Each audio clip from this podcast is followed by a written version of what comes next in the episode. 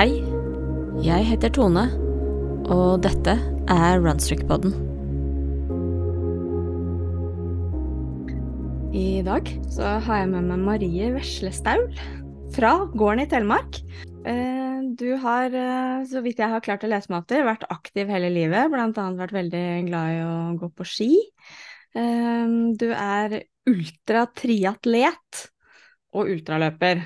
Du skal få komme litt inn på hva ultratriatlet er. Eh, er. Så vidt jeg har skjønt, så er jo det at du gjør mer enn bare en én Ironman um, av gangen. Eh, jeg ser at du har, eh, du har to verdensmestertitler, og du har en verdensrekord, vinner av verdenscupen i ultratriatlon i 2019, og også tidlig Norseman-vinner. Og så fullførte du Norseman gravid til svart trøye. Det må jeg si er imponerende. Og så kom du tilbake og tok tredjeplassen bare åtte måneder etter at du hadde født. Velkommen. Takk. Ja. Hvis jeg liksom skal liksom presentere meg og skryte av noe, så er det jo alltid da er det Norseman jeg må dra fram, og da er det jo Mm. Norseman gravid. For eh, Norseman er jo et, eh, liksom en konkurranse som alle har hørt om. Jeg kan ta det i Frankrike, jeg kan ta det i Spania, jeg kan ta det i Mexico. Og så blir alle sånn Wow, er det mulig? Liksom jeg bare Ja, det er kult! altså, for eh, slik distansemessig så er det jo kanskje tre ganger Ironman som er kult. Eh, det er jo eh, I min verden så er det kanskje den som er tøffest og hardest. Men det er liksom det, distansene blir så lange, slik at det er vanskelig for folk å sette seg inn i. Men Mm. Norseman med dype fjorder og kaldt vann og vanvittig høye liksom, sykleklatring og en natur som er helt unik. Altså, avslutte på Gaustatoppen og liksom Gravid! Det, det, det, det er rått. Men eh, jeg visste ikke jeg var gravid, så jeg, hadde- jeg syns jo at jeg hadde en forferdelig, forferdelig dårlig dag. Og jeg var dårlig og skikkelig sjøsjuk. Og eh, jeg bare Jeg husker når jeg satt på sykkelen og skulle sykle opp Imingen, da støppa jeg litt i beit. og bare Nei, pappa, jeg må, jeg må ha en cola. Jeg må ha et eller annet saltstiks, kanskje. Jeg må sitte her og puste litt. jeg var jo egentlig i god form, så jeg bare Eh, nei, det var en forferdelig lang dag, husker jeg. Og så bare OK, det var, grunn, det var en grunn til at det var en forferdelig, forferdelig lang dag. Virkelig. Man har jo ofte det. altså Man finner jo gjerne ut i ettertid at det var en grunn til at man følte seg som man gjorde, selv om man liksom tenker at eh, det, det skulle vel egentlig ikke være noen grunn. Som du sier, du var i god form, du hadde jo hatt en god, god opptrening og opplading, og egentlig så skulle liksom Ja, dagsformen spiller jo alltid inn, selvfølgelig, men, men når det liksom er så tydelig et eller annet, så, så finner man gjerne en grunn etterpå.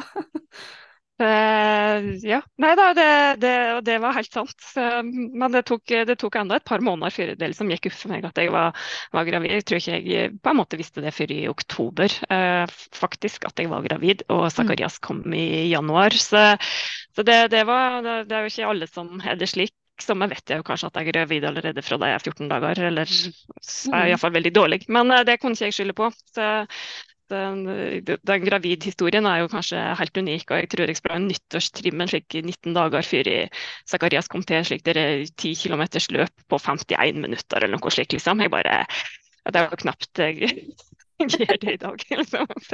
Så nei da, jeg var, var i form da. Det var, det var artig, det. Så nei da, hvis jeg liksom skal presentere meg og vi på en måte mm, kanskje brife litt om form, så, så, så er det den jeg drar. Det er det. Mm -hmm. det, det er stadig imponerende for folk. Så nei, det er artig, det, altså. Jeg, jeg har jo alltid på en måte likt å være i, i aktivitet. Og um, ja, jeg tenker jeg, ehm, jeg har jo tenkt litt siden du spurte om jeg ville bli med, så jeg, jeg har nok alltid, alltid lika å være ute. Og så har jeg fått løp til det. Mm. Uh, en av de tingene som jeg kanskje husker best, er jo liksom når jeg, jeg husker ikke helt om jeg er 11-12 år og, og legger i vei på en skitur. Se, det var i påska, liksom, og jeg vil se sola danse på, på en av disse tøppene som er i nærheten her. da. Og det er liksom, ja, eh, Skituren jeg tok opp og ned, er jo, den er jo sikkert eh, iallfall 42 km. Eh, Ja. Og så når jeg kommer hjem igjen, så spør jeg liksom pappa å, det var så fint på Vivkjerringa, vil du bli med opp? Og det er sånn, Altså, jeg tar med en litt kortere variant på liksom, da, for han liksom, Ja, ja, vi kan ha på skitur, liksom. Og da, da har jeg jo tilbakelatt en seks-sju mil på én dag med en liten nistesekk på ryggen, liksom. Og det er det. Og det, det er nok et slikt bilde av hva jeg tror Ja, det er liksom mitt bilde av meg, da. Det er liksom, mm jeg, jeg, liker å være ute. ja, og, og, eh. der er det kanskje litt det der at man, når man ikke kanskje nødvendigvis vet hvor, man vet hvor man vil, men man vet ikke hvor langt det er, er, dit, og så tenker man at ja, men det går fint å gå dit, og så kommer du tilbake, og så bare oi, det var så langt, ja. ja, altså i dag så vet jeg jo ikke om jeg hadde i dag så har vi jo alt av utstyr med klokker og telefoner som forteller hvor langt vi har og Så bare oi, wow, ikke sant. Men det, mm. det var jo fyr i den tid, og ikke hadde mm. mobiltelefoner å dokumentere det, og ingen verdens ting. Ja, ikke, ikke bare det, da. Liksom. Vi hadde jo ikke vi hadde ikke mobiltelefon helst. Jeg kunne ikke ringe noen hvis jeg hadde knekt ski eller ble veldig sulten eller noe sånt. At, er, sånn, jeg retter jo på sykkeltur, eh, og det er nok en slik sjumils sykkeltur. Eh, og det er jo igjen fyr i mobiltelefonens tid. Som punkterer, og da er det jo nesten to mil hjem igjen. Og da, da, må jeg gå hjem igjen, da. Mm. Og da, liksom, da, reagerer nok pappa, da, for da syns han at jeg var veldig lenge borte. Men når han, når han ser meg liksom komme opp gjennom veien her, og klokka er sikkert nærmere midnatt, og bare å nei, hadde jeg visst dette, så skulle jeg jo henta deg. Men vi hadde jo ikke sjanse til å si ifra. Så det, Nei, det er jo ikke som det, det, det sto liksom telefonkiosker sånn jevnlig plantet uh, ut på vidda heller, liksom. Det... Nei, det var absolutt ikke telefonkiosker hjemme i Telemark. Det var det, Du må til et tettsted, veldig... liksom, for ja, å finne det. Ja, jeg måtte jo det. Seljord var det sikkert en telefonkiosk, og det var ikke, det var ikke det jeg liksom. Nei. Men eh, nei, det var slik, slik har det jo alltid vært. Så med tanke på bevegelsessammenheng, da, så er det iallfall Det er nok det jeg har gjort. Um, mm. hele, hele, livet. Og jeg har virkelig Og det å gå på ski, den gleden har jeg nok intenst inni meg fremdeles. Så, så når, eh, hvis jeg liksom det var noen som spurte meg liksom, hvis du skal velge helt fritt, når føler du deg mest fri? Og da er liksom, det, det, er jo på ski, særlig slik på våren, slik silkeføre, når du kan gå hørevid. Mm. Bare mm. da, Nei, det er jo da, Det må det være det nærmeste jeg kommer å fly, tror jeg. Mm. Mm. Bare fortsette og fortsette og fortsette og liksom Ja, ja, ja. ja. det er godt. Det, ja. ja, virkelig. Så, uh, og da igjen uh, Jeg liker jo bare å holde på. Um, og gjerne trykker jeg nok ikke alltid på klokka heller, for jeg ser jo det med en gang jeg trykker på klokka, så blir det jo en annen tur. Mm. Uh, I det daglige jo den der biten med for, for, jeg gleder meg jo hver dag. Jeg ser jo på en måte hvis jeg skal kikke på gjennomsnittssteg og gjennomsnittsdistanse, så er jeg jo gjennomsnittlig så er jeg jo i 20 km i snitt eh, per dag eh, i løpet av et år. Liksom. Og det var i mm. fjor, og det var kanskje ikke et toppår. Eh, men det vil jo si at jeg tilbakelegger jo noe. Og så vet mm. jeg jo sjøl at nei, jeg kan ikke logge alt, fordi det, det gir noe med meg. da, den mm. der, Særlig da jeg da lever som bonde, så, så er liksom Klokka er jo veldig bestemt, ikke sant. Jeg står opp til 04.51, da ringer klokka i vikedagene, og så ringer den klokka 05. Uh, 09 hegene, liksom bare for at da er det heg, da har jeg iallfall klokka passert fem. ikke sant? Og så, mm. og så er det jo jobbe tre-fire-fem timer om morgenen, og så er det du logger liksom Må du i fjos om kvelden òg? Altså, så er det den der biten med å ikke skulle logge noe, men bare mm. kjenne på frihet, da. Og da, da er det viktig å og, og, bare I dag skal jeg bare på tur, og den, den er min, ingen ja, andre sin. Ja, men ikke sant, det blir en litt sånn, ikke feriedag, men det er, det er, det er liksom den der egne fritiden, den, den, tiden som er din, du kan gjøre noe akkurat hva du vil med. Mm, og mm. den er veldig, veldig viktig. Mm, ja, tror jeg. Kjenner jeg, kjenner jeg. Uh, ja, slik som uh, De siste årene som jeg har vært 100% bonde, og vel så det, så, så har vi kanskje hatt gjennomsnittlig 18 fridager i året, har jeg regna på. Det er jo mm. da uh, Ja, det er det vi har. det, det, er jo ikke mye, altså sånn sammenlignet med mange av oss, men samtidig så er det jo liksom noe med hvordan dagene dine går. Da. Altså, du har jo kanskje noen, noen perioder midt på dagen hvor det kanskje er litt roligere før man kommer på ettermiddagen og kveldsstell og sånn. Og det, er jo, det her er jo litt av grunnen til at vi skulle egentlig snakket sammen eh, litt tidligere, men men da, mm. da, kom jo nettopp gårdslivet litt i veien. Det var veldig mye kjeing, og det var veldig mye, mye som skjedde med kulde og gård og alt. Og det, det er liksom fascinerende å se da, hvordan uh, det, er jo, det er jo har en, Jeg har en jobb jeg går til, mens dette er jo livet ditt. Mm, det er jo akkurat det som er. eh, og det livet er jo ikke for alle. Og det, det ser en jo på en måte eh, Geitebønder det blir en utdøende rase. fordi ja, I fjor så slutta det sju geitebønder. Det er det 239 mm. godkjente geitebønder igjen i Norge, liksom. Ja. Eh, så det er jo ikke så mange som kanskje holder ut lenge. Um, og slik er jo det. og det er jo et valg vi tar. Um, mm. Og så er det jo som du sier, da, for det, det, vil jo være, det vil jo være de periodene som er skikkelig hektiske. I år så var januar eh, skikkelig hektisk. Eh, at jeg hadde omtrent 18 eh, timer i døgnet på jobb. Eh, Iallfall i 17-18 dager i strekk. Eh, mm. Og det at jeg hadde nattevakt på nattevakt på nattevakt, det var, det var nesten som å gjøre en ultra. Eh, det er jo første venn eller Jeg har nok hatt en slik periode tidligere òg, der jeg liksom har vært så sliten i kroppen at jeg ja, nei, klokka tre en natt da sto jeg bare og spydde i ei grind. at jeg var, så, var jeg, var så sliten. Jeg visste liksom ikke Men så har jeg ikke noe valg. Det, det, er ingen andre som Jeg kan ikke ringe noen og si du, jeg er sliten i dag, så i dag kommer jeg ikke. Det er liksom bare, det er bare å det er bare å stable beina under seg og komme seg ut. Kan ikke, sende det... inn, kan ikke sende melding inn i fjøset og si at jeg avspaserer. I dag avspaserer jeg, nei. Det, er, det, det, fungerer ikke slik. altså Virkelig ikke. Og, og, jeg har jo aldri vært så syk at jeg ikke kan i fjøset. Eh, for det der er ingen som, ingen som, bare kan Jeg kan ikke ringe noen og si du, i dag eh, så kommer ikke jeg. så, så det, det, er jo òg et slags liv og et valg. Også, mm. Men igjen, da, de der altså, takler de hektiske periodene. For det vil jo alltid være en periode som kommer senere, som gir meg eh, den tida til å liksom, gjøre mer av det jeg liker veldig godt. Mm. Så det er jo uh, ja, For det første så er det jo et område jeg lever i som jeg syns er helt uh, som er passa til geit. Er, ja. Jeg kan ikke sette plogen i jordet her og tenke at jeg skulle så kønn og gulrøtter. det, det, det, blir ikke slik matproduksjon.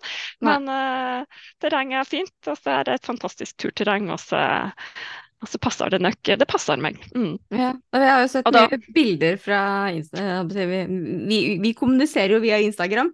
Mm. og jeg har sett mye av de bildene du legger ut. Det ser jo virkelig fantastisk ut. Så det er jo, ja, som du sier, godt egnet for geiter. Og jeg ser jo også at geitene dine har jo tidvis sommerjobb hos naboer og i det hele tatt. Og de det ser jo ut som de Har de, har de hatt sånn eh, juletrejobb, eller? Jeg så det var noen som hadde lagt ut eh, at de hadde istedenfor juletreoppsamling et sted, så bare hadde de en sånn innhegning hvor man kastet juletrærne over, og der sto geitene klare. Ja, ja, ja. Uh, de, uh, vi har hatt det slik òg at vi, hvis folk bare legger liksom juletre i, i kryss i sine, så henter jeg dem i en slik skuff, og så gir jeg dem til geitene. Så geitene veldig, veldig, gjør en solid jobb i juletreopprydding, altså. Mm. Og det, det gjør deg jo fremdeles. De har hatt eh, særdeles gode liksom, forhold for grån i år. Jeg driver som tømmerhogger, og de eh, geitene mine får lov til å gå veldig fritt. Ja. så jeg, jeg, har fantastisk snille naboer. Det er liksom slik eh, Ja, de, de syns det er koselig at geitene holder liksom litt ryddig, så da, da slipper jeg dem litt på frifot. Ja, jeg gjør det. Ja, Fritt, frittgående geiter. ja, det er det virkelig. Det, det er fint. Mm. Ja. Men, men, da innimellom alt dette, når du da har, du har 18 timers dager, som du sier, det, det er jo ikke hele tiden, men, Nei, men når du da skal trene deg opp til å gjennomføre et ti ganger Ironman ultratriatlon, hvordan forbereder du deg til det midt oppi disse lange dagene som er fysisk krevende? Jeg tror jo at jeg har den perfekte jobben for å gjøre akkurat f.eks. ti ganger Ironman. Fordi eh, ja, slik som uh, januar i år, der jeg, får, jeg har tre uker i strekk. Der jeg uh, ja, på det lengste så sover jeg kanskje to timer i strekk, på en måte. Og Mm. ellers er jeg i aktivitet. Så jeg tenker jeg bare oppladningen, det får du ikke. Du har virkelig mental, eh, men den mentale innstillingen og den der eh, døgninnstillingen i kroppen er liksom, den ligger der. Den, den ligger der. Og så, um, Jeg har et gammeldags driv. eh, Jeg tror nok jeg er siste generasjon som kommer til å drive denne gården her. slik at den er jo fysisk tung i forhold til kanskje mer moderne fjos ville ha vært. da. Jeg lamper silo for hånda, med det er og bæring av vann og Mm. Eh, høygaffel og Ja, nei, det, det, er mye, det er mye lyfting og lemping og krabbing og kliving og jeg, eh, jeg har jo hatt pulsklokka på, slik at det et slik vanlig økt i fjoset, da, som Mm. vanligvis tar 3,5-4 timer, så har jeg nok en snittpuls på, på 118-119, og det er jo jeg, det er vel det jeg har i snittpuls på et slikt ultraløp, tipper jeg. Så da jeg har liksom det er naturlig, naturlig i meg. Så jeg tenker jo at um, østøve midt i mye naturlig eh, aktivitet. Uh, Sammenligna med de som på en måte har en kontorjobb, da, som må sittet sitte, sitte kanskje sju timer altså må de ta igjen all aktiviteten eh, på fritida si, på en måte. Så, Mhm. så kan jo jeg spesifikt eh, trene sykling og, og løping og, og svømming. Eh, Sjavsagt, og det må en jo for, å, for at rumpa skal tøle alle miler på sykkelen eller slike ting. Men, Mm. men den mentale biten i det å holde ut, har Mm. iallfall på plass. Ja, det høres jo ut som det, for, formen er, er der, og så må du liksom legge til å justere innholdet. Ja da, og det, det må jeg jo. Og, uh, ja, det, men igjen, det er jo det jeg syns er artig. I fjor så var jeg jo, med på VM i trippel. og å bli nummer to eh, i et år eh, som ikke var mitt, jeg syns igjen at det er veldig artig. Nå fyger jeg jo disse her damene hun som vant, er jo en egen divisjon for seg sjøl. Hun hun liver jo av å være atlet. Ja, og får dopingkontrolløren på Dynni og litt slike ting. Og det, det er veldig fjernt fra min hverdag, da, fordi det, eh, Ja, her det, det er altså, Å ja, nå har jeg, nå har jeg, der har jeg en time, da skal jeg forte meg ut og springe litt, iallfall. Eller fall, nå har jeg to Ja. timer, da skal jeg sykle så fort jeg kan. Og så må jeg sitte på rulla, da, slik at det blir mest mulig effektivt. eller noe liksom. Ja. Mens, eh, og hun som ble nummer tre òg, altså, livet hennes er jo å bo i en, eh, bo i en bobil og, og springe og sykle og, og svømme. Og det var, tenker jeg det er, det er veldig, veldig forskjellig. Virkelig. Jeg bor oppe i Vinterøyfjell. I, fjor så var det jo sno til ja, Man hadde jo 1 meter og 20 cm i mai med. Og det, liksom, det er ikke akkurat noe slik, det er ikke ideelle forhold til å sykle ute, og det er ikke noe slik svømmeforhold. I fjor så var det jo ikke svømmeforhold ute i det hele tatt. Liksom. Så, og bassenget stenger jo hver i starten av mai, så det er liksom ja. Jeg må reise ganske langt da, for å finne et basseng som hever øpe hele sommeren. Men, ja. Eh, mm, men uh, allikevel, da tenker jeg at jeg gjør det beste ut av det.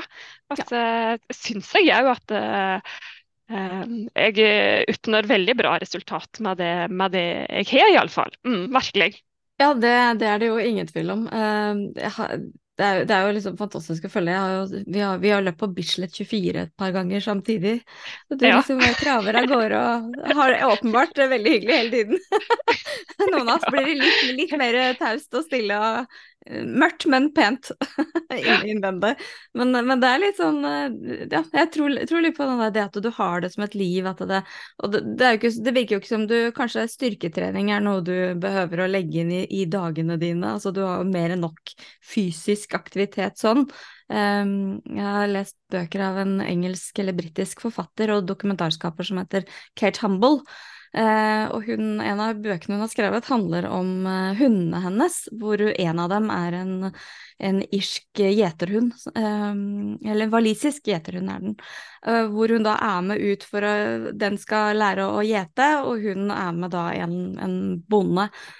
Og da er de oppover mot Skottland, og da får, hun beskjed om at ja, den sauen der, den må du bare ta med deg. Og hun bare hva mener du, ta med meg?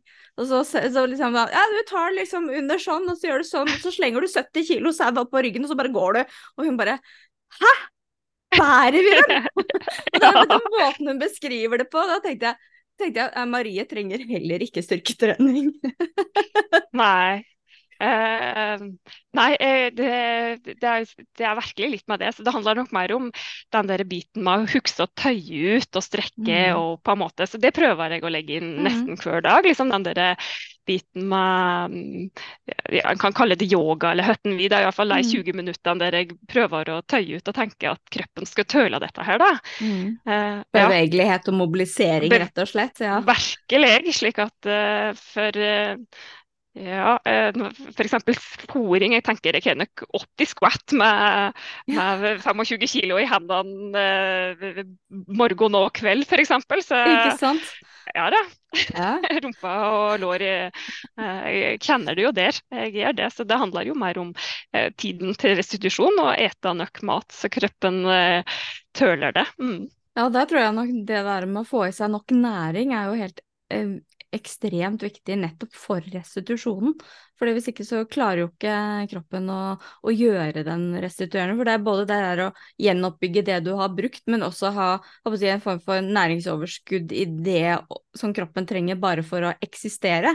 Uh, så ja, det, det har jeg måttet jobbe enda mer med nå når jeg har liksom blitt bonde på fulltid. Eh, det, det har virkelig gått opp som meg Um, så jeg gikk skikkelig på en smell kanskje slik 2018. Det er, så, det er som så få som tror på det. Men uh, når kroppen blir for lett, så går det virkelig på det mentale. Um, mm. Så da, nei, jeg eh, Det tar ikke lang tid å hente meg inn igjen, uh, for mm. det ble skikkelig mørkt en periode. Um, ja, altså Innimellom så drømmer jeg om at jeg skulle ha de samme, være på samme nivå som jeg var f.eks. i 2016 og slik. Men, um, men igjen den biten med at jeg, jeg, kan jo ikke tilbake. Jeg må hele tiden jobbe med der jeg er, og jeg skal jo mm. videre og jeg skal framover. Så må jeg liksom ta dag for dag eh, og, og stig for stig. Så jeg syns kanskje det tok jo veldig lang tid. 18, 19, 20 føltes veldig lange. Mm. Enda det, jeg fikk jo fantastisk gode resultat. Så det er, liksom, det er jo nesten, det er jo ingen som tror, tror sur på meg når jeg sier at uh, Men det ble jo uh, Det var sånn så um, Særlig mentalt, den biten med at uh, 4 2018 så kunne jeg jeg hadde stålkontroll på alt. liksom Tid, klokkeslett, meldinger, mm. alt. Og nå er det sånn slik å ja, nei, jeg har glemt å svart på den. Det er jo ikke meningen. Liksom, ting faller ut eller slike ting. Altså bare Uh, ja, nei, det, jeg, jeg, øver jo fremdeles. Jeg syns jo det her gjenger bedre og bedre, liksom. Og, mm. uh, det går seg til igjen. Um, men da har jeg jo skjønt at det er, det er næring. Så, så, jeg må ikke Det er veldig nøye at jeg på en måte spiser riktig og nok fett, ikke minst. Mm. Liksom, for det er jo nok fettforbrenningaktivitet jeg holder, stort sett. Mm. Og det å virkelig ete nok hvor viktig det, det er. Det, det, hjelper veldig på det mentale. Så i år så har liksom det vært virkelig fokus, og da har jeg jo kjent at nei, men, eh, nå er vi liksom på gli, nå er vi på, virkelig på rett vei. og det er, jo, det er jo noe med det, Hjernen sier jo veldig fort fra når den ikke har nok energi, og når det ikke det, det er nok næring der. Da blir man litt sånn mentalt matt. Og da, da, blir den jo Den prioriterer jo da ekstremt hardt på hva den bruker sin energi på, og primæroppgaven er jo nettopp å holde resten av kroppen i gang, sørge for at hjertet slår, pulsen går, og, og at alle organer fungerer. Og da er det som du sier, ja, du glemmer ting fordi at det er ikke en prioritert aktivitet i hodet. Det, Absolutt ikke. Da må du spise litt mer. Ja, ikke sant? hvis du, hvis du også skal få med deg det. Det er helt eh, sant. Nei, jeg, syns jeg lærer vanvittig mye om kroppen. Det er fascinerende. Eh, og jeg liker det jo veldig godt. Herlighet. Eh.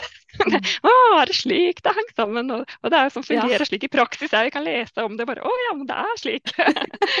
ja, det er, jo, det er, jo, veldig spennende å se. Og, liksom, og det er jo litt det der at man, når man er oppmerksom på det og, og på en måte le, lever i aktiviteten, så, så, så, blir man så tydelig, eller tegnene og mønstrene blir så mye tydeligere, for du ser det så fort, og du får så fort tilbakemelding. Og som du sier, vi som jobber på kontor, vi er jo nødt til å bruke fritiden vår til aktivitet. Og jeg trener jo mye på morgenen, eh, for det, det er da jeg har føler at jeg har litt overskudd, og på ettermiddagen så er jeg helt flat. Eh, men så har vi har hatt noen runder her hvor vi har, vi har en sånn bobil eller van, og den står ute i veien. Og den har jo vi brukt mye nå i vinter på å grave fram, fordi at det stadig snør. Og noe her er jo da ikke at den blir så pakka inn. Men det har jo også vært litt i mye mindre skala enn det du driver med. Men det har jo også liksom vært når du står stadig vekk to timer og graver ut bilen, og det er liksom sånn ja, det blir jo som en kettlebell-økt med knebøy, liksom. Og, og passe på å justere fra den ene til den andre siden for at det ikke skal bli for ensidig, at du liksom bare bruker favorittsiden, så blir man helt sånn skakk. Men nettopp da Og så må du gjerne gå litt over veien for å få bort den der snøen, og så, og så Men du kjenner jo liksom det at kroppen adapterer og syns jo liksom Kan vi ikke gjøre mer av det? Så bare sånn nei, sorry, det er ikke så mye graving på jobb. men, men, nettopp da liksom heller OK, ja, da prøver vi å legge inn en ekstra styrkeøkt i uka. For det, det var liksom helt tydelig noe som kroppen syntes var ålreit, så da øker vi mengden i stedet, får volumet opp. Og det tror jeg, veldig, tror jeg, er veldig, viktig for alle oss som har en stille jobb, at, at man kanskje egentlig ikke ser på det som trening, men som nødvendig aktivering av kropp og nervesystem, og vi er jo laget for bevegelse, er vi ikke det da? Jeg, jeg, jeg, er iallfall, jeg tror det, når det born to run. Jeg er, liksom slik, jeg er helt sikker på at vi er skapt for å le og komme. og den uh, biten med hvor lykkelig en blir. En trenger liksom ikke, mm.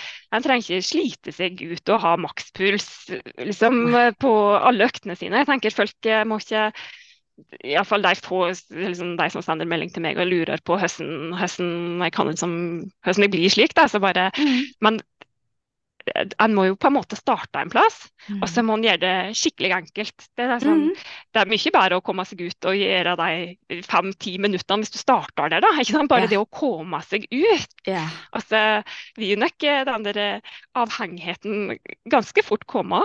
Mm. Ja, eh, det tror jeg på. Altså, keep it simple. Det gjør det virkelig enkelt, altså. Mm. Og det er jo det som du kjenner på, ikke sant? kroppen har litt lyst på styrketrening. Den, mm. den liker jo det. ja, jeg tror muskulaturen liker å få den stimulien, den der, få den motstanden. For det var jo var noen som eh, jeg tror det var en Gympodden, hvor de hadde en beskrivelse av av hvordan, kan, hvordan, muskulaturen fungerer. Hvor du har liksom, du har en som er alltid den derre arbeidshesten. Den, den, de muskelfibrene som alltid brukes og alltid er i gang. Og så har du noen muskelfibre som alltid ligger på sofaen. Og er, det er litt sånn vanskelig å aktivere. Og så har du kontrollsenteret som, som liksom det, det må dyttes litt i for at muskulaturen på sofaen skal aktiveres. Og der kommer jo nettopp det der når du da virkelig tar i de der topp siste fem settene hvor du biter sammen tenna og nesten ser, eh, ser mannen med ljåen, liksom. Det er da han på sofaen reiser seg opp og bare Å ja, ja, vent da, vent da, jeg kommer, jeg kommer. Ja, ikke sant? og, ikke sant? Så det er liksom, men, men, når vi da må på en måte innstille oss på at du må tre dager i uka, så, så må du prøve å dytte på han på sofaen, ikke bare liksom bruke de der som alltid går, mens du har jo du får jo det, for det, det, er jo sånne ting som oppstår brått hos deg. Sånn som når vann, vannrøret går i mm. møkkakjelleren. og du må klatre opp og ned. Og ja da, og så henge etter beina, liksom. Ja. I gulvet, liksom. Ned ja. i lortekjelleren for, for, å prøve å få tak i noe rør. Jeg bare Det her er så, det her er så spesielt. det er veldig pussig form for situps og pushups og slike ting. Og så, ja. og så slik, Nei, noen må stoppe vannet, det spruter!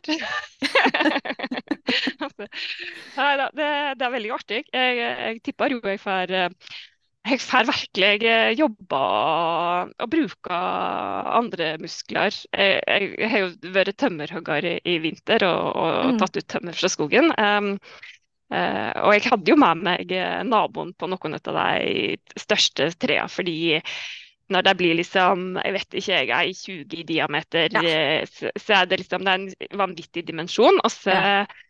Eh, han er jo, han har 70 år erfaring i skogen, så det er klart at da tenkte jeg litt slik, Det er jo fint å ha med seg. Mm. Men når vi drar på vinsj og vasser til sno til livet, så, er det som, Da kom en pustende bak meg og han sa liksom, dette her er ikke for gamle folk. Og jeg bare Jeg vet ikke om det er for unge folk heller! og da, da, må du ta ut uh, siste mannen uh, på sofaen, altså. For ja. du kommer ikke opp bakkene der. Nei, da må liksom det siste mobiliseres. Ja, virkelig. Altså, mm. altså blir det liksom, du sier, det, det blir liksom litt slik avhengig av det òg det er lørdag, og jeg er egentlig fri, men uh, skal vi ta ei økt til, da? vanvittig. Mm. Altså, det er slik vanvittig god mestringsfølelse i det. For at, mm. ja, men, men vi klarte det i dag òg. Mm. Og det, den er nok en slik veldig slik avhengighetsfølelse i. Så, mm. Så det finnes jo mange former for bevegelse og styrketrening. og litt ting, mm. Så det er klart jeg, det, jeg føler meg aldri så sterk som etter eh, fire uker med tømmerhugger. Altså. Da, ja, det skjønner jeg. da, da, kan det bare prøve seg. Men ja. da har det mye stabiliseringsmuskulatur på plass. Ja, virkelig. Da, da har hele kroppen fanget kjørt seg. Det er veldig artig. Det, det, er favorittøvelse? Nei da, jeg liker, jeg liker å kjenne at jeg lever. Virkelig. det gjør vi vel egentlig alle, det er bare at vi som uh, kanskje er for det meste i, i en la, litt sånn uh, middel komfortsone, det tar litt lengre tid å komme ut av den. og det er jo der som du sa med næring, og det er jo der dette kontrollsenteret som jeg snakket om, det er jo rett og slett nervesystemet som trenger å være ha nok næring og være, få nok restitusjon nettopp til å ha da de kreftene for å sparke han der siste ut av sofaen. For å liksom få ut det siste i muskulatur og få, det, få liksom kroppen til å virkelig samarbeide maks, da.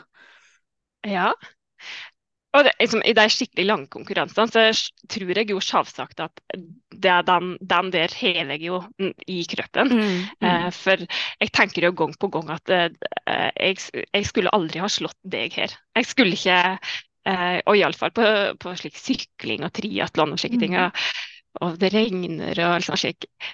Jeg, det, var ikke her du skulle ha sete, Du skulle ikke ha sete i det, teltet. Dette her. Du er jo den proffe her. Jeg er jo jeg er bare fordi jeg jeg tar meg fri fordi jeg er noe jeg, jeg liker skikkelig godt.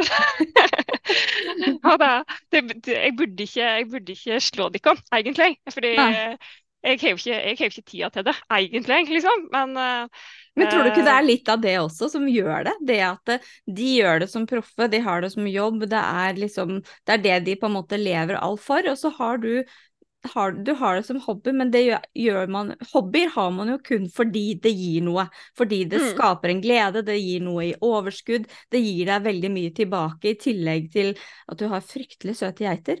Eh, og, og, og, summen av det gjør jo at jo, men kanskje du skulle være der allikevel, da, fordi at du gjør deg ren glede, mens disse andre har det som en jobb, de blir sponset, det er liksom egentlig ganske mye både prestasjon, og det er forventning, det er ansvarsutsvaring til de som sponser og stiller opp, mens for deg så er det glede, og da gir det kanskje på en annen dimensjon, da, at prestasjonen ligger der isteden, tror du det? Og veldig, jeg er helt enig med deg. fordi hvis jeg skal ha fri, så er det jo for å finne en konkurranse der jeg kan gjøre det jeg, jeg liker aller best. Ja. da, eh, jeg er jo eh, jeg føler meg jo utrolig heldig som har en mann som har lyst til å, å, å, bli med meg. Og ikke nok med at han støtter meg på gården, men han, han blir med som support på de lange konkurransene og springer. Og, ja. og, og, jeg får gjøre akkurat det jeg har mest lyst til. Jeg bare, å, jeg har lyst på mandelstang og cola, og så får jeg det. Og så bare blir jeg så lykkelig at jeg nesten tipper. og så og så kan det jo virke Jeg vet at folk liksom, jeg, jeg, vet jo, jeg kjenner jo at folk, liksom, særlig i løypa, kanskje syns at det er irriterende nesten. For at, men den gleden altså så oppriktig og så ekte at det, det er liksom vanskelig å holde Jeg klarer nei, det Nei, jeg heller ikke tilbake, iallfall. Nei, så bra. Men hvordan, fra, fra, like lange sykkelturer og skiturer, lengden forklarer jo alt, men, men hvordan kom du egentlig inn på at du skulle begynne med triatlon? Nei, og det mm, Jeg starta nok egentlig på langrenn, for det, jo, forholdet ligger jo veldig godt til rett oppi her. Men um, det er klart uh, Når jeg starta på langrenn, så kunne jo alle ganger på de skia de hadde. Mens etter hvert så ble det jo mer og mer spissing. ikke sant? Så plutselig så mm. på et helt vanlig mosjonsrenn så kommer det jo på en måte utøvere med åtte par med ski som de tester i løypa. Jeg har ett par med ski som jeg gleida hjemme på den graden som jeg kanskje håpa det var der oppe. ikke sant? Mm. Og så kan jeg ta dem igjen i alle motbakker, og så glir de fra meg i enhver nedforbakke. Mm. Uh, så det blir, sånn, så det blir veldig spissa, og det, det, er veldig trist med langrenn. Fordi det er så utstyrsavhengig. Ja. Uh, og um, tida til å, å tumle på sø med utstyr, den har jeg ikke. Og jeg har ikke jeg hever, to, jeg hever, fire par med ski. altså Jeg hever liksom to kalde par og to varme par. Altså et, to par med klassisk og to par med skøyteski. Liksom, slik at jeg hever mm. etter varmt føre og etter kaldt føre. Mm. Fordi jeg er veldig veldig glad i å gå på ski. altså, men og, til og med nå, da, når jeg liksom stiller opp på noen slike lokale skirenn, fordi det er jo noe av det artigste jeg gjør, så, så må jeg allikevel hamle opp med noen som Og der kommer kufferter med ski som de tester ut på, på det. Mm. Og så, eh, så, kjenner jeg òg at det, det er litt vondt inni meg, fordi eh, jeg, jeg er nok eh, fremdeles ganske liksom, god på ski, liksom, slik mm. egentlig. Mm. Men jeg, jeg, kan ikke hamle opp med, med utstyrsjaget. Og jeg har ikke lyst til å hamle opp med utstyrsjaget mm. heller. Begynner å høres ut som disse joggeskoene som er med og uten karbon og, og høye såler og lave såler og ja. Det, det begynner, begynner å nærme seg Løpingen begynner å nærme seg skisporten her, høres det ut som. Ja, og det, det er jo altså, Derfor er jeg liksom slik på sykkelfronten, da, altså, jeg må jo si det. Jeg har en racersykkel som jeg har hatt siden 2001. Eh, og du vet, den Det høres eh, Ja, vet ikke. Den er utdatert. Men altså, den stilte jeg opp med Jeg har stilt opp med den på trass i slike verdenscupkonkurranser. Litt på trass, fordi å, liksom, kommer du med den, kommer du til å komme til mål i det hele tatt med den? Og så har jeg best sykkeltid av alle. fordi eh. den som sitter oppå den der sykkelen, skal jo gjøre jobben, den òg. Og da ja. Det syns jeg er like moro hvert år. liksom. Jeg sykler forbi folk med racersykler og temposykler til 120 000.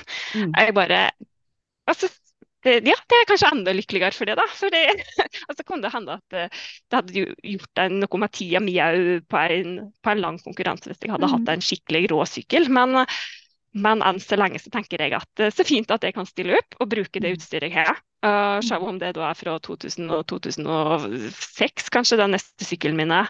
Mm. Liksom, så, så funker det. Og jeg gjør fremdeles jobben. og jeg er fremdeles helt på høyde med de aller beste på sykkel likevel. Jeg bare Nei, da koser jeg meg skikkelig. Ja. Um, for utstyrskarusellen, den ja, Nei, den er jeg motstander av. Virkelig. Jeg bruker, bruker ulltrøyer på langløp fordi det, det lukter mindre vondt enn syntetiske.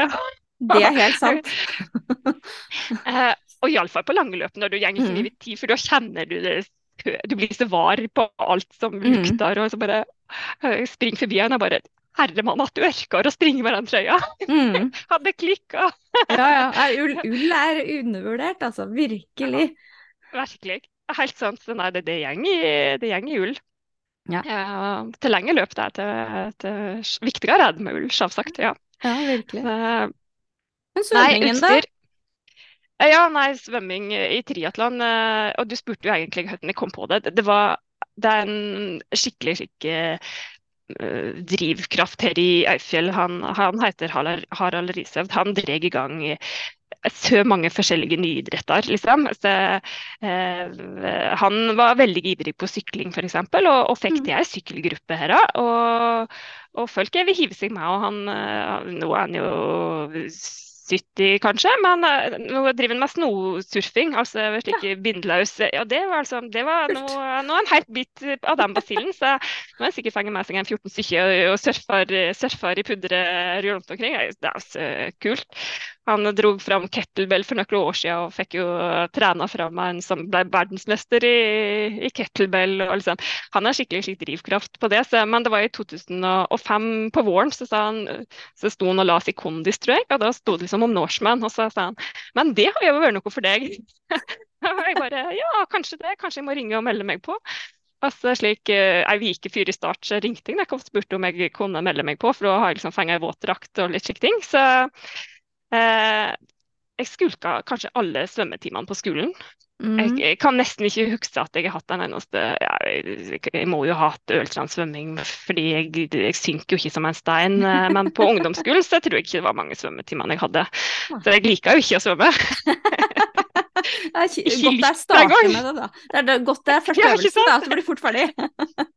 ja, det, jeg, jeg jobber jo fremdeles med å lære meg å like å svømme.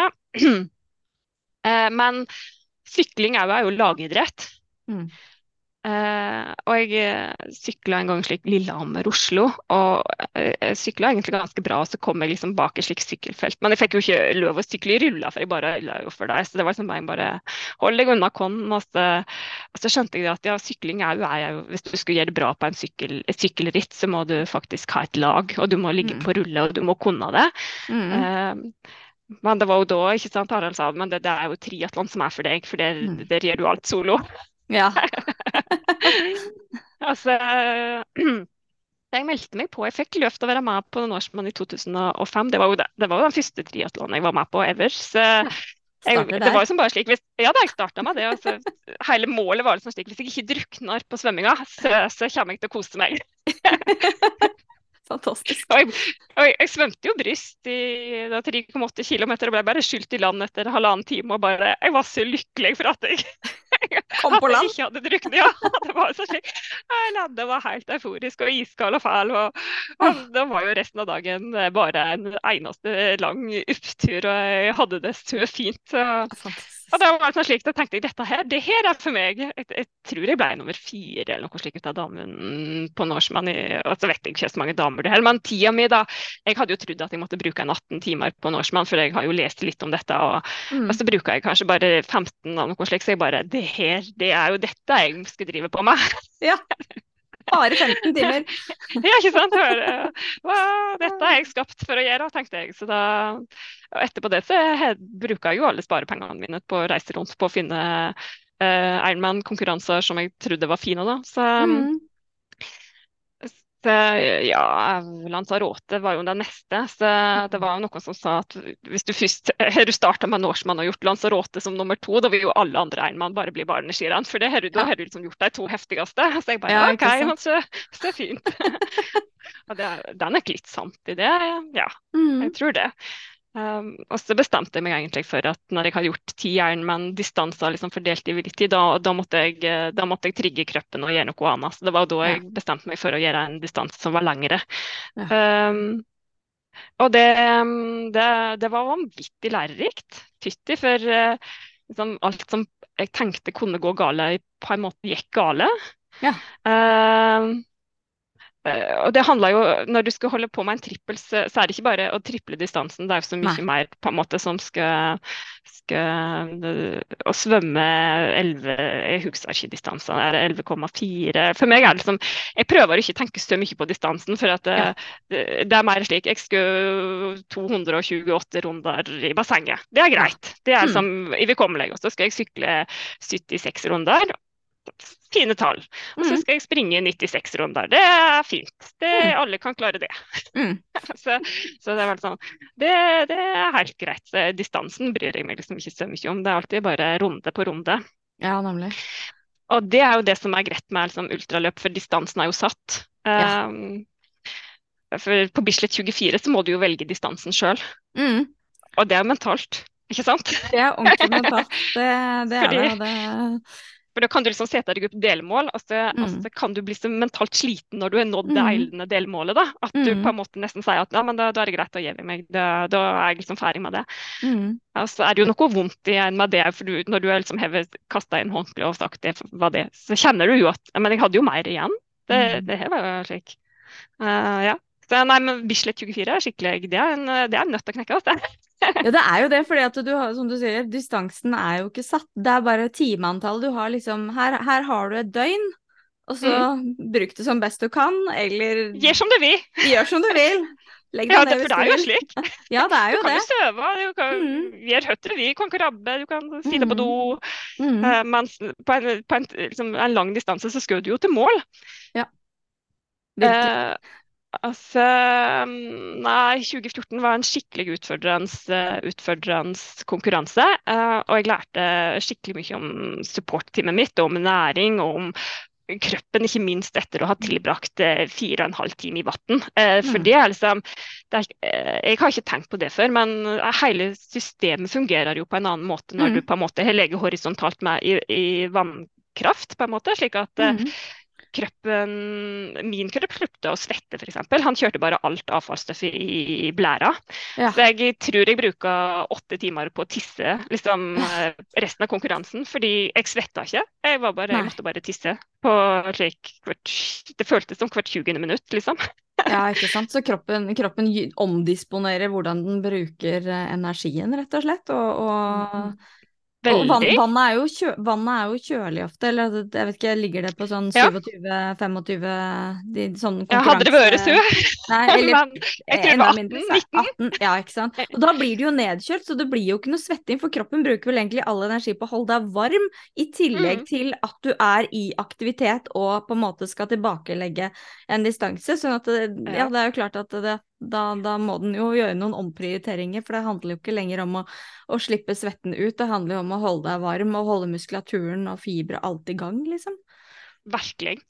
Og den skifta liksom aldri om etter at jeg var ferdig med å svømme. Så selv om det var, det var skikkelig, skikkelig varm sommer, så, så, så var det ingenting i kroppen som reagerte slik som det skulle. Eh, og jeg lærte vanvittig mye med næring. Eh, Så eh, ja, uh, det, når jeg kom i mål da, så var jeg var jo skikkelig lykkelig på at jeg kom i mål. Eh, Mhm. Jeg lærte veldig mye om supportteamet mitt, om hva vi skulle liksom gjøre.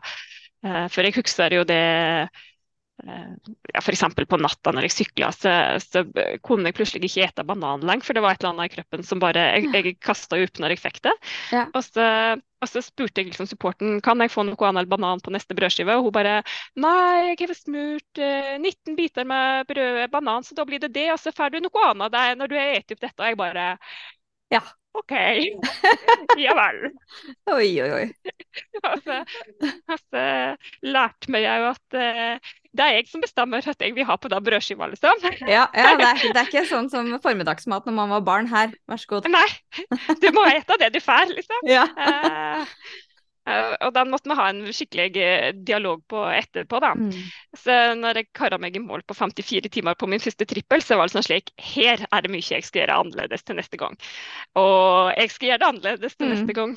Eh, Og så kom jeg att i 2016 og hadde vel gjort en double i mellomtida der, og, Mm. og feng justert på alt jeg ville. Og da forbedra jeg jo tida mi med, med 14-15 timer. Det var liksom i mål på nesten 40 timer. Og det var jo det, var det skikkelig lenge siden neste, som sist dame hadde fullført på den tida.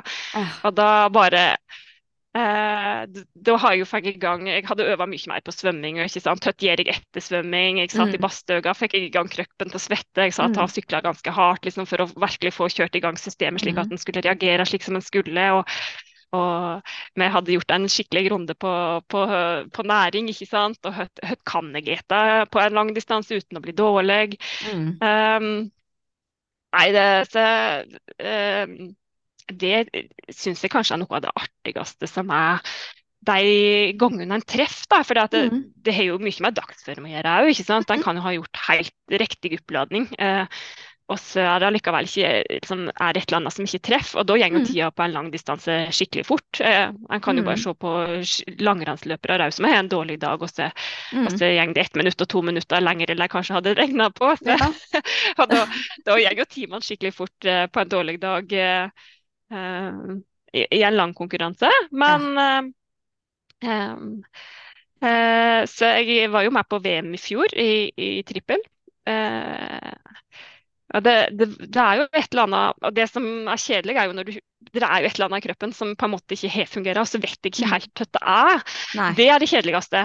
Mm. Uh, så, så jeg skjønner jo jeg må jo gjøre en trippel til, fordi at uh, jeg, må jeg må gjøre et eller annet. Jeg må finne ut av hvorfor For oppladninga var kjempebra, uh, og Mm. jeg på en måte hadde en veldig sterk kropp. Mm. Og så var det et eller annet, særlig på løpinga, som bare skar seg veldig. Og så var det et eller annet med næringa som gjorde at jeg ble helt ødelagt i munnen. Mm. Uh, den uh, Jeg så ikke ut. det var bare sår i hele munnen. Uh, og da betyr det sikkert at det har vært litt mye syre, slik at Mm, det blir som sånn vanvittig syreangrep. Mm. Mm. Så da må jeg jo prøve, jeg må jo prøve noe syrefri mat eh, på neste løp. Jeg bør Mm. prøve noe annet cola kanskje, og litt slike ting. da.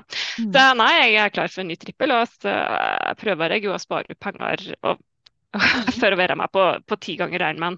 Uh, jeg f- feire 25-års, eh, nei 20-års eh, Uh, 20 år med triatlon, tror jeg, men en deka. Ja. ja det er ja, det fantastisk. Det hører, ja. ja, for det, du, har, du har litt pauseår i år? Eller ikke bare opptreningsår, kanskje? Mer? Det er veldig det. Mm. Mm. Og det handler òg om at jeg, jeg, jeg er så gammel at jeg eh, tenker at det jeg holder på med, det er min egen, min egen, så jeg spør jo ikke om sponsing. Så jeg tenker at det jeg holder på med, det skal jeg ha råd til sjøl.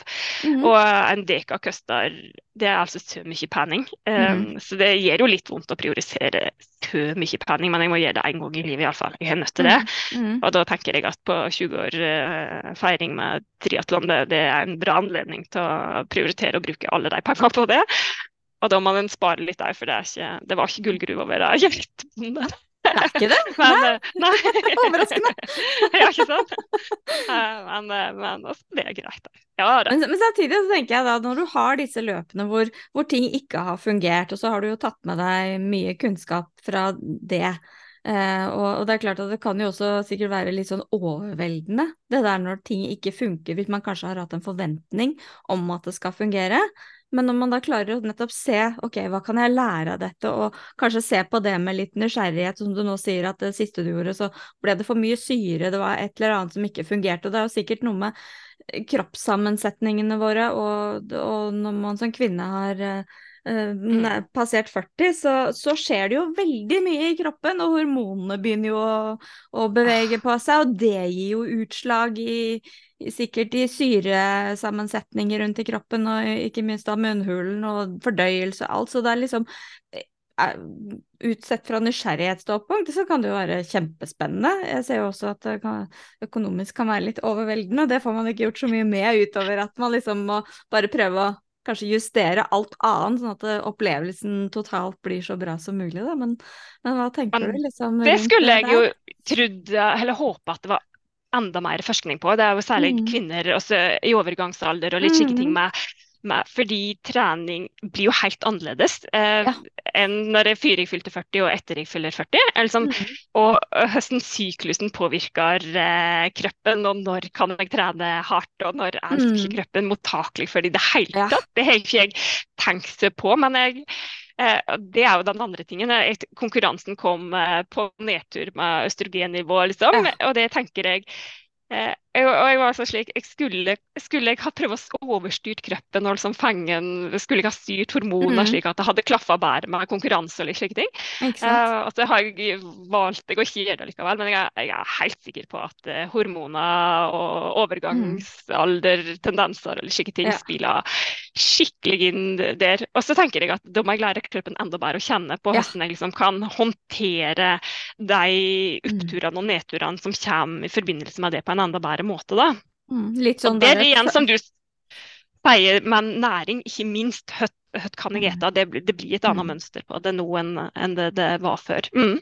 Så rett og slett liksom begynne nå å følge med ordentlig på syklusene. Hva skjer fra dag én til du begynner på en ny syklus, og, og hvordan ikke minst gjerne det, det, som man får er jo med og uten endringer, er jo gjerne at siste uken før en menstruasjon starter på nytt, så har man jo gjerne det der litt større behov for sukker eller karbohydrater. Eh, kroppen er kanskje ikke så mottagelig for treningen som den er de to første ukene av syklus før eggløsning, og rundt eggløsning så kan man være litt sånn flat og daff og orker ikke. Og Veldig, ikke sant? Får du, liksom, får du liksom noen dager til hvor du liksom føler at liksom jo, der er superkvinnen nesten på, og så er den helt flat. Og så er det liksom bare mat som gjelder fram til du begynner på nytt. Så det, liksom, det er liksom det er interessant å se det der, hvordan, hvordan det Og det vil jeg jo tro at du, hvis du følger veldig godt med nå, så vil du jo på en måte kunne tweake det. Sånn at hvis, hvis det er sånn en noenlunde jevn Syklusen din er noenlunde jevn da, så vil du kanskje kunne Spiller det ikke så stor rolle hvor du er, med mindre det er liksom rett rundt eggløsning, da, for da er du kanskje litt flat allikevel. Mm. Men For det var jo det som skjedde nå, da. Det var, ja. liksom, og det var så flatt, og det er så, det er så kjedelig, for du får ikke henta ut noen ting. Nei. Og bare jeg, det, der, er ikke noe Jeg får ikke henta det fram. Nei. Det er tomt, det er helt flatt. For det husker jeg at jeg sa. Men liksom, du er jo så sterk. Og jeg bare Og jeg vet det, der er jo bak der. Og på en god dag mm. så ville jeg jo hale det. Men det er ikke sjans. Kroppen Jeg klarer ikke hale det ut. altså. Jeg, jeg syns jeg er ganske god på det innimellom. Men nei, når hormonene var slik, så var det liksom slik OK, nei, men vi må lære å spille på Da må vi spille på lag på en annen måte. Det må vi lære å på en måte finne bedre ut av. Mm. Ja, og det, og det, tror jeg gjelder eh, man, man, har jo liksom bare liksom Når man får menstruasjon i, i ung alder, så, så, så, er det liksom Ja, da er det sånn og sånn og sånn, og så har du eggløsning da, det må du huske på, bruk prevensjon, og så, mm. og så ny runde. Og så, og så, tenker man Men jeg ser jo at man Eller man tenkte i hvert fall ikke tidligere så mye på nettopp hvordan skal du leve og trene med det, men nå er jo det en sånn større ting som i større grad tas inn, spesielt i eliteidretten, at, at man prøver å trene med syklus, også ikke minst fordi at det forebygger jo skader, fordi at når du er, som du sier, rundt, man er på litt sånn flatere, ja, så er ligamenter er litt annerledes, senene reagerer litt annerledes, og det gjør jo at man enkelte deler av syklusen er mer skadeutsatt, men sånn sett er det liksom Ja, det er mye greiere å forholde seg til menn, for de er sånn hele tiden. Ja, er, alt er jevnt, liksom. Så, liksom. Ja, kvinner er litt sånn slitsomme, for dette, det, det er alltid avvik. Men det er klart ja, at hvis du har, har, litt den der, setter deg inn i disse avvikene, da, så kan du kanskje ha to uker hvor man kan ha virkelig vekst, og så slakke av lite grann, fylle på litt mer, og så øke. Og så kan du ha kanskje en kurve som suksessivt faktisk går oppover, selv om det liksom er Nei, du kan ikke kjøre samme program i fire uker og forvente økning. Du har kanskje bare to uker å gjøre det på før du må ta litt ro, før du må spise litt mer, og så begynne på igjen. Og så og så, ja, så kanskje de der, det er litt godt da, å få, den der, få de der svingningene, da. Jeg er jo kommet dit at uh, Eller jeg hadde covid her i, i desember. Um, og det gjør jeg. Forrige gang jeg hadde covid, så skjedde det samme. Så nå er jeg da på syklus dag uh, 72. Oi, ja. Det er bare liksom, ja, ja, jeg er jo absolutt i den perimenopause, har ikke truffet overgangsalder. Jeg har ikke truffet det punktet hvor jeg er tolv måneder uten menstruasjon. Men det, skjedd, det, skjedde jo også når jeg fikk disse um, covid-vaksinene, så forskjøv menstruasjonen seg. Enten så fikk jeg den med en gang, eller så tok det veldig lang tid før det skjedde noe. Nå har den da midt, midt, i, midt i, den første syklusen, eller den syklusen jeg er i nå, den begynte 28. november. Jeg har fortsatt ikke på mensen. Men nå, men, nå ja. Kjenner du svingningene da, når du liksom blir slik? Når perioden blir, liksom, syklusen blir så lang? Jeg får noen dager hvor jeg er litt sånn ned, hvor det blir litt sånn, jeg blir litt sånn matt. Men det virker som det liksom er forholdsvis stabilt nå, men nå har jeg vært veldig, veldig eh, oppmerksom på at jeg må få i meg mye, mye grønnsaker og fiber. Så jeg, liksom, jeg har økt det, så jeg ligger på et sted mellom 600 og 800 gram, nesten altså en kilo med frukt og grønt i løpet av en dag, i tillegg til nok proteiner og, og fett. Og da merker jeg liksom at det gjør noe med stabilitet. Jeg har liksom en sånn jevn energi, det bare durer på. Så det er litt sånn godt å kjenne på, men så er jeg litt sånn der, men når, når skal det skje noen ting? Skal det skje noen ting? Er det liksom så, så, det er litt sånn, uh, en litt sånn rar ting, men jeg kjenner at det er, det er energi, en sånn grunnenergi, det, og den er mer stabil enn en hva den har vært når det, som vi snakket om nå, at det har to mm. uker på noen dager av mer mat, og så fortsetter vi, liksom. Så, så det er litt sånn, litt sånn rart. Så men, men, men, man snakker jo ikke så mye om dette. Det er, litt, det er en sånn kvinne, ting kvinner gjør. Og så er vi halve delen av befolkningen, og den andre halvdelen de må forholde seg til det enten de vil eller ikke. Så, ja. Men ikke labil, da. Og det er jo litt deilig. Det er liksom mentalt stabil, og liksom, det føles greit, men veldig snodig tilstand å ha liksom og jeg hadde, ja, det var omtrent sånn forrige gang jeg hadde covid, da hadde jeg nesten 90 dager, og så bare startet det opp igjen, og så gikk det helt greit fram til jeg nå fikk covid i desember. Ja, ikke sant? Ja. ja, men uh, slike ting har jo blitt viktigere og viktigere. For jeg, som sagt, jeg har ikke jeg fyr i fullt 40 C, eller kanskje var 36, 37, 38 mm. eller annen plass der, liksom, så mhm. jeg, tenkte jeg ikke så på det. Nei. Men, uh, men uh, iallfall i fjor da, så kjente jeg på at filler'n nå bomma liksom, veldig på konkurransen. Så den der biten med å virkelig lære kroppen å kjenne. Men mm. igjen, er, jeg prøver liksom å finne ut noe å lese om det. Marit Bjørgen mm. har kanskje bitte lite om det i boka si, men det, mm. det, er ikke så mye å skrive om om på en måte høsten det er lurt å bygge opp uh, trening. Og det er sikkert veldig individuelt det er liksom høsten hver og en føler seg. da. Mm. Men, men, det er jo som du sier, jeg har iallfall kjent på at et par uker går det an å kjøre litt hardt, liksom litt Mm. mer, og så og så går det ikke. ikke i det hele tatt. Og så, Mm. og så man liksom, men eh, nei, det, det, det er mye loggføring slik, da, for at det, akkurat det er jo litt Jeg har veldig lyst til at det skal fungere eh, bedre. Eh, og veldig lyst til å sjekke ut om det, var, om det, var, om det blir løsningen, liksom. Mm. Ja, ja, for det er, det er en, eh, en eh, amerikansk eh, ja, Hun er jo doktorgradsstipend, eller hun er doktorgradsinnehaver. Eh, Stacey Sims. Hun har skrevet en bok som heter Roar, og så har hun skrevet en bok som heter Next Level. Og Next Level er nettopp perimenopause og menopause og overgangsalderen, og trening og og, over, og, hvordan du på en måte skal tenke, og hva du skal være oppmerksom på, hva du trenger mer av, hva du kan komme unna med mindre. Og nettopp litt det der at man, vi blir kanskje nødt til å trene smartere, ikke nødvendigvis mer, men smartere. Så øktene er veldig spesifikke. Du trener enten veldig rolig eller veldig, veldig hardt. Må passe på nok søvn, og søvnen er jo enda viktigere. og hun hun, hun, er, hun, har forsket masse på det og har jo vært veldig foregangs- eller talskvinne nettopp for at forsk alle forskninger skal inneholde flere kvinner, fordi at det er ikke noe De har jo liksom, som jeg sier, women is an anomaly, fordi at når vi da plutselig kommer i de periodene hvor vi ikke stemmer overens med menn, så har de liksom bare tatt ut resultatene fra kvinnene i forskningen, sånn at det ser ut som alt er likt, og så baseres du på menn 27, liksom. Og så skal det tilpasses til dame 50 pluss. Og det funker jo ikke. Det gjør ikke det, altså. Ikke hele tatt. Nå, så spennende. Du må legge ut navnet på boka på Instagram. slik at det gjøre sånn, det. Veldig bra. Det, for at den, jeg har ikke hørt om det. Skal jeg lese den? Det gleder jeg meg til. Mm, virkelig, det er kjempespennende. ja, hun forsker mye på det, og hun, hennes kontor handler veldig mye om, om dette. Og så finnes det en eh, finnes en podkast som heter Hit Play Not Pause, som nettopp handler om eh, atleter i enten i menopause, altså etter, i, overgang, i, overgangsalderen, som da Jeg tror de definerer det med fire faser når man snakker overgangsalderen totalt, mens Ja. menopause er jo den ene datoen når det har gått tolv måneder uten måneder, mm. menstruasjon. Eh, så, så, så det, er, det, finnes ting der ute, men man må lete, man må liksom Man må vil, ville ha informasjonen for å finne den. Så, men jeg kan dele, jeg. Ja, men så bra. Ja. Kjempe. Det er, det er fint. ja, men som du sier, da, det blir jo ikke snakka så mye om en mål, en mål som virkelig leiter litt, eller som man jo på en Mm. måte lager seg veldig egne erfaringer, syns jeg. da. Eh, Mhm. Det er jo som du sier, at eh, veldig mange eh, treningsplaner eh, og alt slik er nok, det er veldig, passer nok veldig bra til mann 27-30. Mm.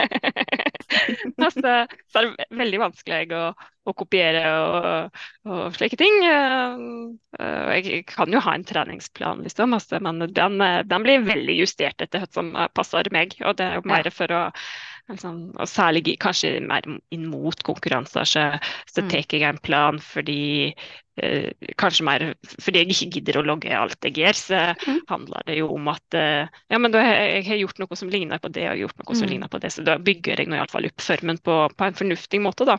Mm. Du har noe overordnet som du liksom kan sjekke inn med. Mm. Ja.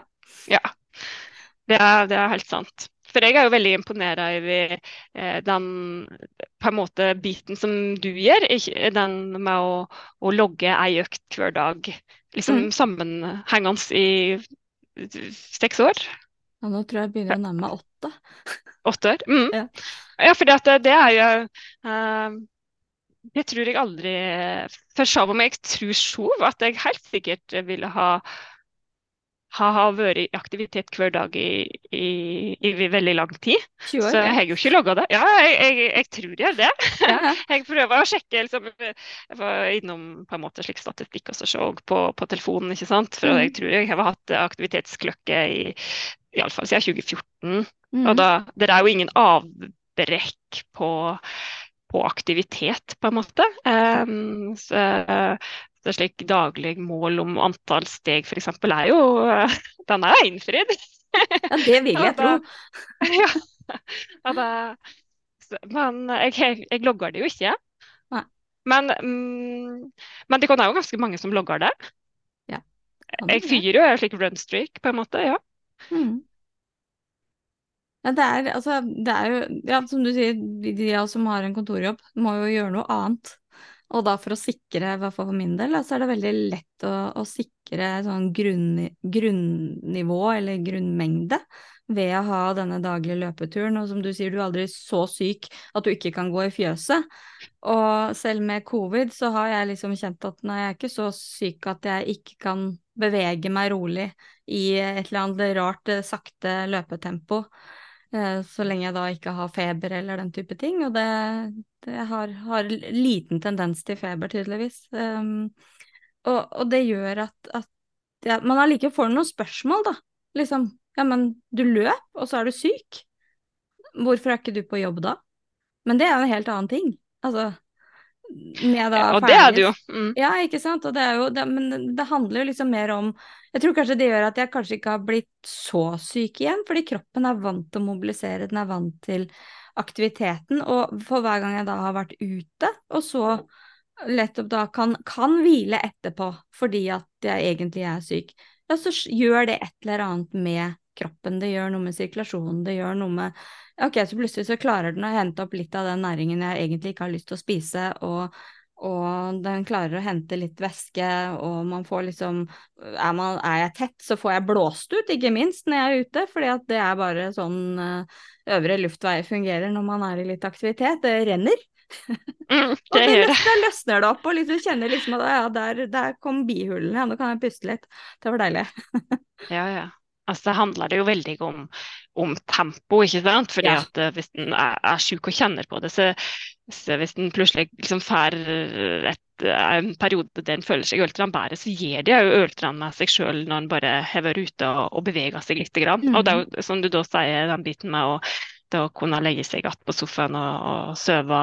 Da sover en jo på en måte bedre, jeg. Mm. Men uh, folk er jo forskjellige. Og, men så er jeg mm. sjuk at jeg på en måte ikke kan i fjor, så jeg har jo ikke vært, så derfor så kan jeg heller ikke Jeg, jeg har ikke om jeg kan ikke uttale meg om de som på en måte blir så dårlige at de, det er mm. heller ikke et alternativ, da, på en måte. Mm. Og det er, det, er, det er, jo litt, litt, det jeg også kjenner på. Tenker, for jeg tenker liksom at eh, de som kjenner på at det er sånn det er, så må jo de få lov til å ha det sånn. Eh, ja, så er vi, og så er vi jo bare forskjellige, og vi har ulikt nivå for når man når det punktet. Eh, og, og, og det, det, skal man absolutt ta på alvor også, for jeg tror at hvis man, hvis man på en måte presser det for mye, så kanskje det blir alvorlig, men vi har åpenbart et eller annet punkt som gjør at ok, men jeg kan presse litt, og det går fint, og så til, kan man tilpasse, og det hjelper på på en måte selve hvert fall for meg så hjelper det på sykdomssituasjonen, fordi at jeg, jeg, er jo alltid da i sjekk med kroppen. Sånn at jeg mm. kjenner jo, jeg kjenner jo at liksom det går fremover, men hvis, bare, hvis jeg bare hadde ligget og kjent på hvor dårlig jeg føler meg, så vet jeg ikke om jeg egentlig er i ferd med å bli bedre, for da føles det jo bare vondt hele tiden. Um, mm. og, og, og, det er jo sånn som de dagene man trener hvor man ikke har lyst til å trene, men allikevel går ut, og så gjør du det og så er du fem minutter, ti minutter uti det, og så bare ja, nei, det var ikke så verst allikevel, fordi du har kommet over den kneika. Og, og, jeg tror det Altså, har man hund, så må man jo ut med den hunden tre-fire ganger om dagen. Syk eller ikke, lyst eller ikke, vær eller ikke.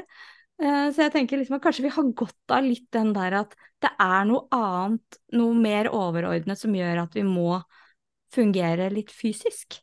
Og at mm. den fysiske delen gjør at det andre, eller sykdom eller det mentale også, det får liksom litt ekstra sirkulasjon, da, uten at nødvendigvis bør være en kjempeintensitet eller kjempetungt, men det er bare liksom litt økt sirkulasjon, litt, litt økning av kroppstemperatur, akkurat nok til at du, du, må trekke pusten noen ekstra ganger, og det ble litt grann varmt under jakka. Mm. Ja, nei, så, som sagt, jeg eh, har jo ikke erfaring med å være så sjuk. Og så er litt med det at jeg har jo ikke et valg heller, på en måte. At det, det fungerer jo ikke. Avløsere dukker ikke opp på dynni her, liksom. Det må jo planlegges hvis en skal på en måte ha det. Eh, mm. og det er jo helt spesielle tilfeller hvis du skal få en avløser. Eh, og så til det spesielle tilfellet tror jeg ikke jeg noen gang blir utsatt for.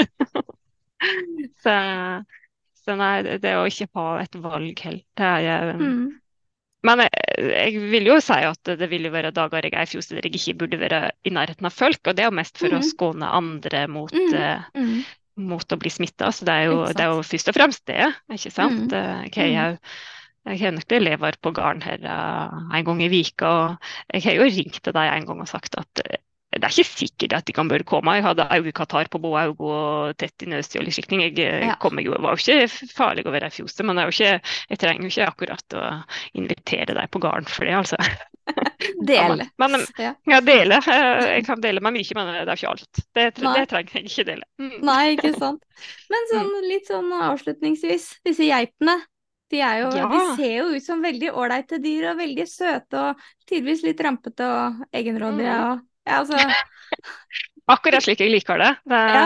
uh, jeg, jeg kommer jo til å ha geit. Jeg skulle jo ønske som sagt, at jeg laga et produkt som folk hadde lyst på.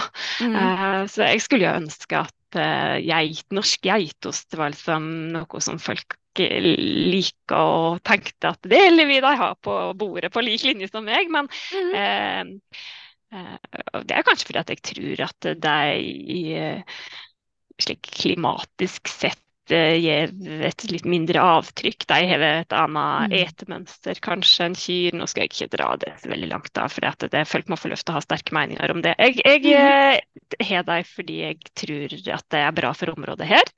mm. Eh, og de er Det holder meg i aktivitet. Og eh, siden jeg hever gard, så, forvalter det de området her på en veldig, veldig bra måte, tror jeg da. De er jo Eh, veldig bra skogsmaskiner. Veldig, ja, veldig fint å rydde, og det blir jo på en måte et veldig fint landskap rundt der de er. Og Mm. vi klarer å holde oppe biodiversiteten og litt slike ting, så nei, Mm. det tror jeg er bra. Eh, og jeg kommer nok ikke til å slutte med geit. eh, nei, jeg gjør nok ikke det. Så uansett eh, så kommer jeg jo alltid til å ha geiter, bare fordi jeg tror at det er bra for området. Mm. Og så, ja, jeg, jeg er heldig med naboene mine, som sagt. De, de kan være ute. De er ute hele året hvis de vil det. De, jeg, jeg lager vei for dem ute om vinteren, slik at de kan, virkelig kan få lea seg ute i terrenget og brøyter opp. og eh, ja, jeg tenker det, det er heldige dyr, og så syns jeg at jeg skal være grei med dem siden jeg har valgt å ha dem som husdyr. Så de Mm. produserer uh, førsteklasses mjølk for meg om dagen, og det er jeg så glad for. Og så gjør jeg det jeg kan for at de skal trives og ha det fint. Så jeg håper jeg um, ja, jeg kan fortsette med det. Mm. Ja, virkelig. Mm. Ja, da, ja, det, de, de ser jo ut som de, de har det bra, og det er jo liksom det, det, der, det er jo litt, en litt sånn symbiose, da, som man liksom De gir og du gir, og det gjør at man begge får, og, og, og jeg tenker at det å være frittgående geit ute på vinterstid i Telemark og få lov til å tumle rundt i snø når det er temperatur til det, og det må jo være helt fantastisk. Altså, man, man vet jo hvordan både barn og hunder blir hvis de stadig vekk må være inne og ikke får Mm. eh, utløp. Og det jeg tenker at eh, geiter med horn som stanger, som eh, begynner å bli litt sånn brakkesyke, det, det kan ikke være så veldig Nei, det tror ikke jeg heller er bra, altså. det, nei da, jeg har sagt at det er som å ha en eh, gjeng med skoleunger eller noen ting. fordi jeg måtte hatt deg inne et par dager nå, og det er bare fordi at eh, været har vært ekstremt. Mm. Det har jo vært vanvittig blåsende, og det har snoga sidelengs. Og det er Ja. liksom eh, Ja, det kom 40 cm med snø på noen få timer, liksom. Så da sier det seg selv at jeg kunne ha snoga ned. Det, altså, det- det blir borte, og så er det litt med Da kan jeg stenge av liksom, for den hallen, så det ikke blir masse sno inn der. De skal på en måte ha en tørr liggeplass, da. mm. Og da, i dag når sola skinner, så, så er det klart at da må de få ut igjen. For da, da er de rastløse, og de skriker, og de har skikkelig gleda seg til å komme ut. Så det, det er liksom litt som eh, alle andre. De, eh, de trenger å komme ut, hvis ikke så blir de ødelegge. Så, det, jeg merker jo jeg i fjoset. Da går de napper meg i buksa og surer Ja. på meg fordi at nå er jeg, nå er jeg bare slem. Ja, dulte borti deg. Jeg bare Ja, ah, ja, ja. Ja, det er Ja, ja, fantastisk. koselig. Ja da, Ja. det er det. Syns det. Tusen takk for at du tok deg tid i ditt hektiske program mellom, uh, mellom hesjinga hesjing høy, holdt jeg på å si, eller fòring og slippe dem ut og ta dem inn og i det hele tatt. Og ikke minst spisepausene dine. Så. så er koselig. Tenk at jeg kan både få snakke med det jeg liker aller best, både geit og som bevegelse. er en Fantastisk kombinasjon. altså, det var veldig, veldig hyggelig at du hadde tid til å stille opp, og at vi faktisk fikk det til til slutt. Veldig koselig. Veldig bra. Mm.